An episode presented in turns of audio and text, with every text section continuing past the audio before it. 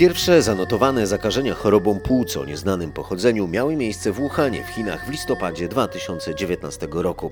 Od tego czasu na całym świecie chorobę nazwaną COVID-19 stwierdzono u 120 milionów ludzi. Zmarło 2,5 miliona zakażonych.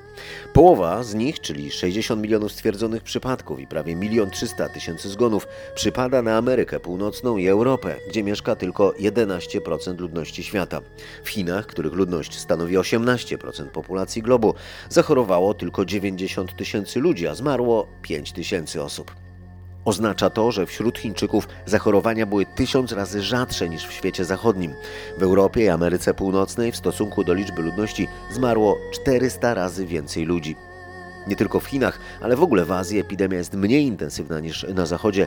Jednak wciąż w Japonii czy w Indiach ta intensywność jest dziesiątki razy większa niż w Chinach gdzie jak chwalą się władze w Pekinie, udało się skutecznie powstrzymać rozwój epidemii, a szczepionki zaczęto podawać już na początku lata. W związku z epidemią COVID-19 rządy ograniczają swobodę poruszania i wolności obywatelskie, wprowadzają zakazy działania całych gałęzi gospodarki, co spowodowało najpoważniejszy kryzys gospodarczy od czasu II wojny światowej. Wszystkie duże gospodarki świata, poza chińską, w zeszłym roku doświadczyły spadku PKB, w niektórych przypadkach nawet kilkunastoprocentowego. To podcast Wielkie Pieniądze, Wielki Świat, który był zamknięty do odwołania i właśnie wychodzi z lockdownu. Nazywam się Michał Zieliński. Zapraszam na 20 odcinek zatytułowany Skąd się wziął ten wirus?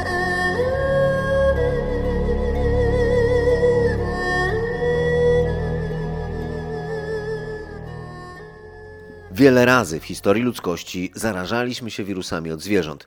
Podkreślili to już rok temu naukowcy w liście publikowanym w piśmie The Lancet, apelując o odrzucenie spiskowych teorii. Dlaczego po roku nadal nie rozbito twardym dowodem teorii o tym, że wirus wymknął się z laboratorium? Czy taki wypadek w ogóle jest możliwy, skoro takie laboratoria działają wedle wymagań najwyższego bezpieczeństwa? Dlaczego mimo to niektórzy urzędnicy czy naukowcy ostrzegają, że wraz z eksplozją w biotechnologii wyciek z laboratorium wirusologicznego gdzieś na świecie jest nie tylko możliwy, ale bardzo prawdopodobny? No to jeśli tak mogło być, jeśli to było prawdopodobne, to dlaczego czołową postacią wśród badających przyczyny epidemii jest człowiek, który od lat był pośrednikiem w finansowaniu badań nad koronawirusami w Wuhanie, w tym z funduszy Ministerstwa Obrony Stanów Zjednoczonych? Dlaczego Światowa Organizacja Zdrowia postanowiła nie publikować wstępnego raportu komisji, która odwiedziła właśnie Wuhan. Większość utytułowanych ekspertów, autorytetów, e, urzędników odpowiedzialnych za zdrowie powtarza nam wciąż, że nie ma powodów, by wierzyć w to, że wirus SARS-CoV-2 wydostał się z laboratorium. Koronawirus COVID-19 wykazuje bardzo dużą genetyczną zbieżność w 96% do wirusa RATG13, którym kilka lat temu od nietoperzy zaraziło się kilku górników na południu Chin. Wtedy trzech z nich zmarło.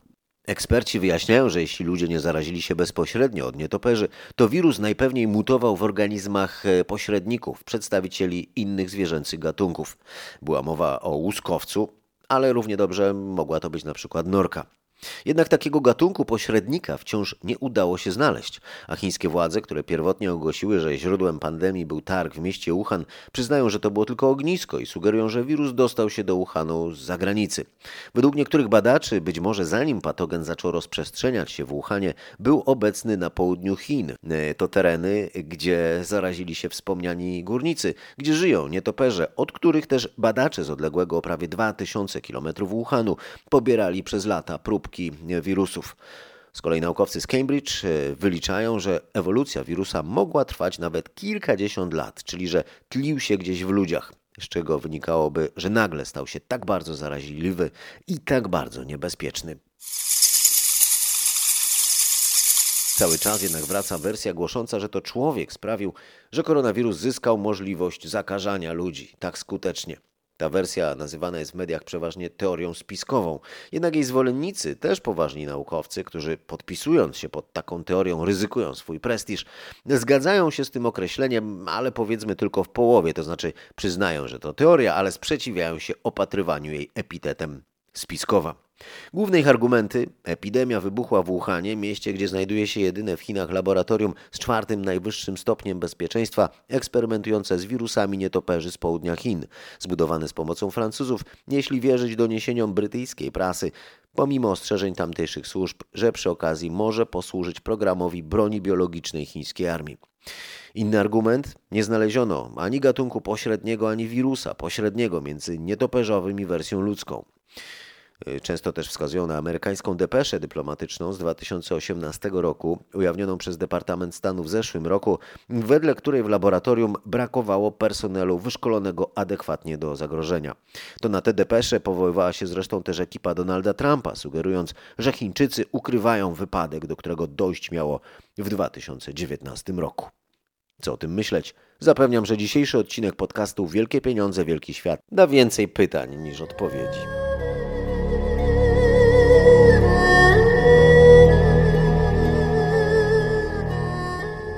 Według doradcy prezydenta Donalda Trumpa do spraw bezpieczeństwa Matthew Pottingera laboratorium współpracowało rzeczywiście z chińską armią w pracach nad bronią biologiczną.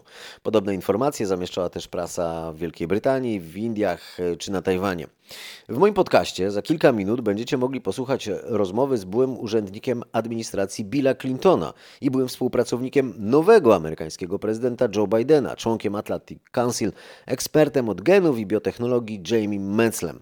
To jego staraniem ukazał się kilka dni temu wspólny list otwarty dwudziestu kilku autorytetów naukowych, wirusologów, epidemiologów i genetyków, którzy opierają się, by brać jednak pod uwagę możliwość, że ta epidemia, która wybuchła w Wuhanie, była efektem wypadków w tamtejszym laboratorium wirusologicznym które słynie w świecie naukowym z eksperymentów z koronawirusami pobranymi od nietoperzy. Our open letter calls for a full and unrestricted international forensic investigation into the origins of COVID 19 with full access to all relevant samples, records, and personnel.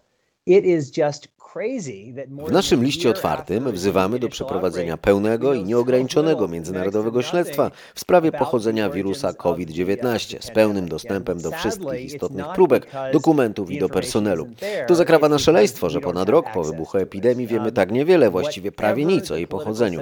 Smutne, że powodem nie jest tu brak informacji, ale brak dostępu do niej. Bez względu na różne uwarunkowania polityczne, w tym po stronie rządu Chin, nadszedł czas, by naprawdę sprawdzić, jak zaczął się COVID-19 Dlatego wzywamy do pełnego śledztwa w sprawie pochodzenia pandemii i tłumaczymy, dlaczego obecne dochodzenie oparte na współpracy Niezależnego Komitetu Doradczego Światowej Organizacji Zdrowia. z chińskimi władzami nie spełnia z wielu powodów wymaganej roli. W szczegółach wyjaśniamy też, jak takie pełne, nieograniczone, międzynarodowe śledztwo powinno wyglądać. Wzywamy wreszcie rządy państw świata, by wsparły taki proces, który mógłby odsłonić źródło tej strasznej pandemii how this terrible pandemic began. Mówi Jamie Metzl. Całość wywiadu już za kilka minut. Zapomniałem o tym powiedzieć, że Jamie Metzl jest również doradcą szefa Światowej Organizacji Zdrowia. E, wspomniane e, przez niego przed chwilą obecne dochodzenie to prace komitetu, który jak słyszeliście był właśnie w Wuhanie. E, niedawno wpuszczony tam po roku od początku epidemii przez chińskie władze. Publikacja wstępnego raportu tego komitetu została odwołana. Ostateczna wersja raportu ma się ukazać w połowie miesiąca. Dyrektor Światowej Organizacji Zdrowia Tedros Adhanom Ghebreyesus zapewnia, że ujawnione będzie wszystko, czego dowiedziała się ta komisja. Rozmiary tej bezprecedensowej epidemii sprawiają, że szczególnej wagi nabiera konieczność zrozumienia, co dokładnie się stało i jakie jest jej pochodzenie, tak by to się już nie powtórzyło. Podstawą jest tu jawność. Pragnę zapewnić, że dowiecie się. Czekam na raport w tej sprawie tak samo jak wy, bo nie mam dostępu do raportu. Czekam, bo to są niezależni eksperci. Wszystko to, co się wydarzyło w trakcie tej wizyty, zostanie zaprezentowane otwarcie.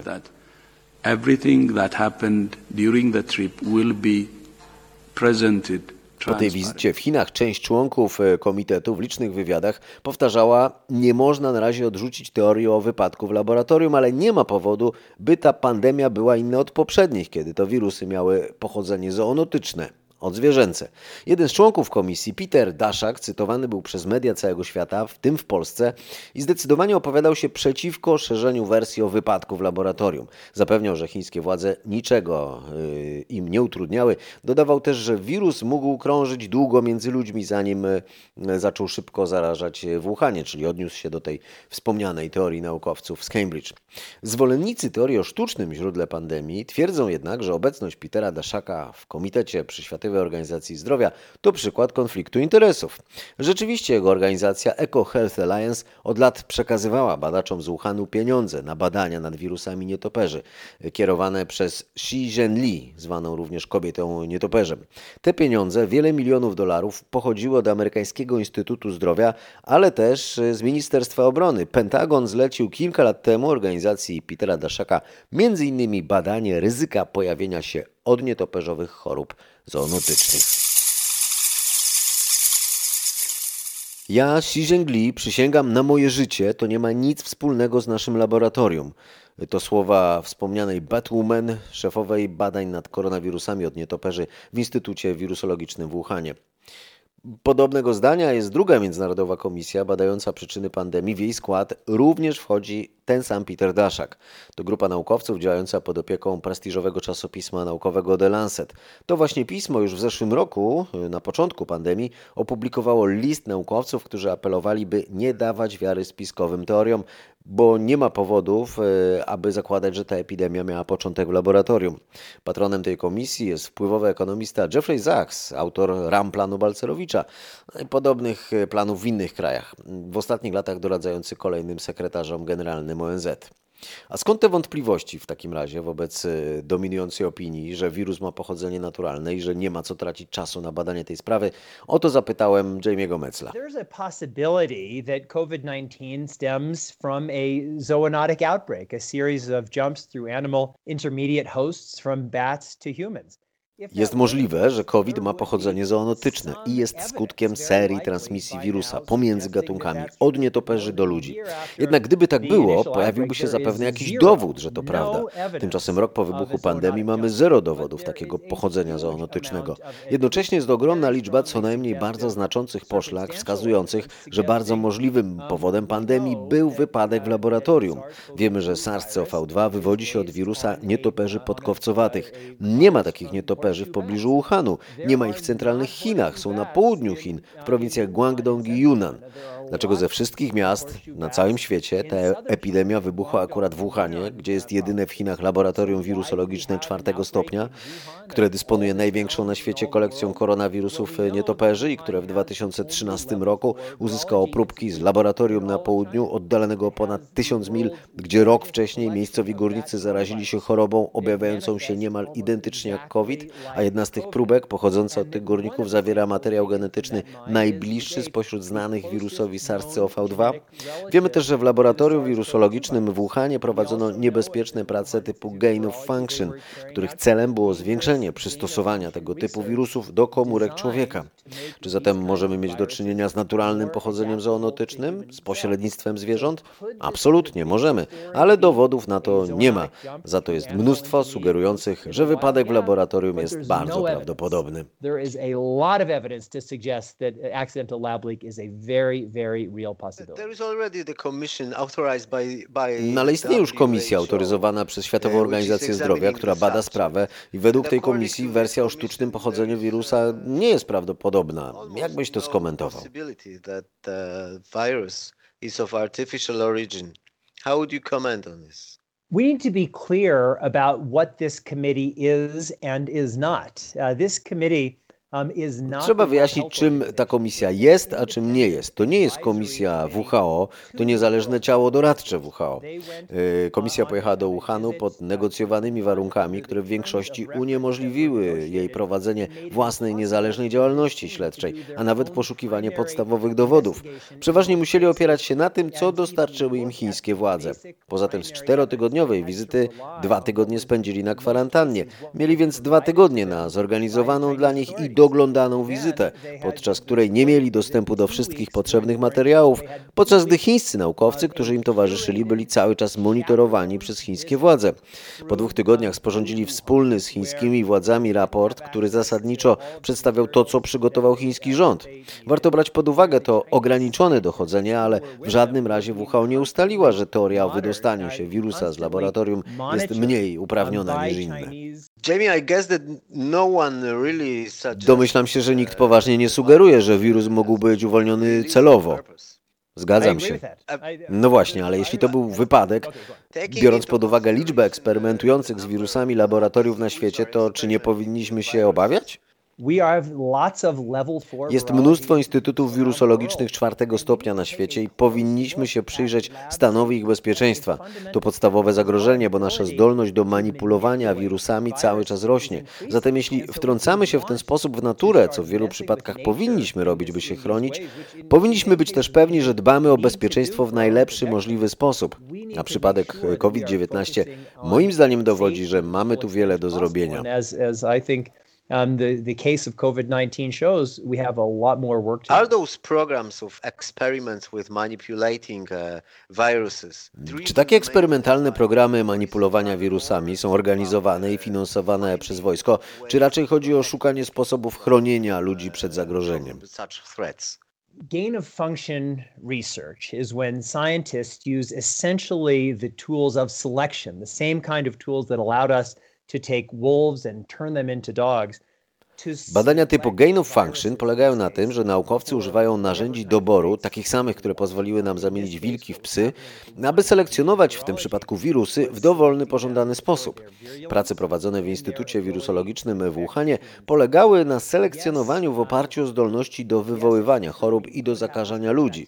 Tak, to prawda, że tego typu działalność prowadzona jest też przez wojsko, ale bardziej prawdopodobna, częstsza jest sytuacja, w której ludzie podejmujący takie badania chcą wybiec do przodu, dowiedzieć się, jakie patogeny mogą nam zagrozić w przyszłości, tak byśmy mogli przygotować lepsze lekarstwa i lepsze szczepionki, lepszą odpowiedź.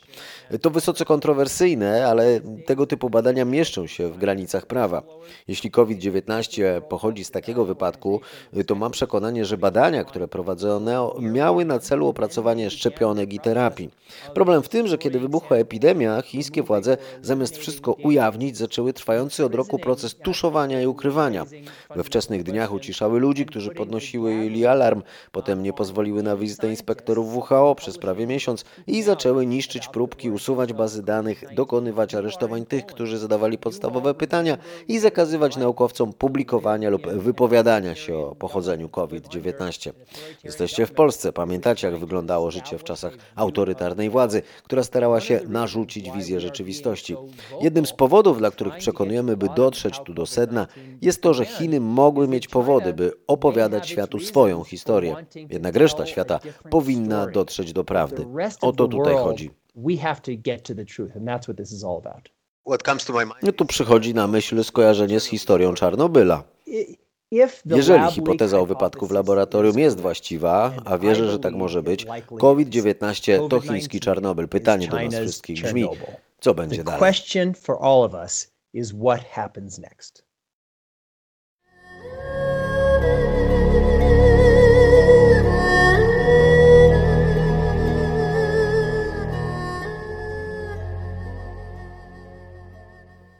W listopadzie 2019 roku, po ośmiu miesiącach, otwarto Instytut Badań nad Chorobami Zakaźnymi Armii Stanów Zjednoczonych Fort Detrick w stanie Maryland. E, Jak podano, powodem zamknięcia było naruszenie zasad bezpieczeństwa. W Forcie Detrick, głównej bazie prowadzącej badania biologiczne amerykańskiej armii, są ulice nazwane na cześć zmarłych po zakażeniach w czasie eksperymentów. Tamte tragedie zdarzyły się w latach 50. i 60. zeszłego wieku.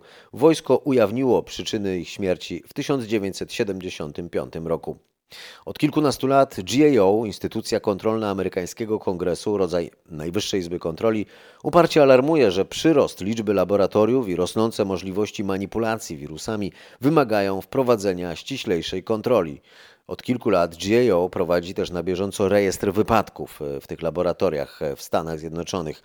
Zdarzały się tam przypadkowe wysyłki wąglika, zapomniane fiolki z wirusami ospy prawdziwej, ukąszenia przez zarażone myszy czy awarie filtrów. To wszystko można znaleźć e, w raportach instytucji kontrolnej Kongresu Stanów Zjednoczonych. Dziewięć lat temu biotechnolog z Harvardu Lynn Klotz na łamach Bulletin of Atomic Scientists ocenił, że prawdopodobieństwo wypadku w którymś z kilkudziesięciu laboratoriów pracujących na całym świecie nad wirusami chorób zakaźnych do 2025 roku wynosi 80%.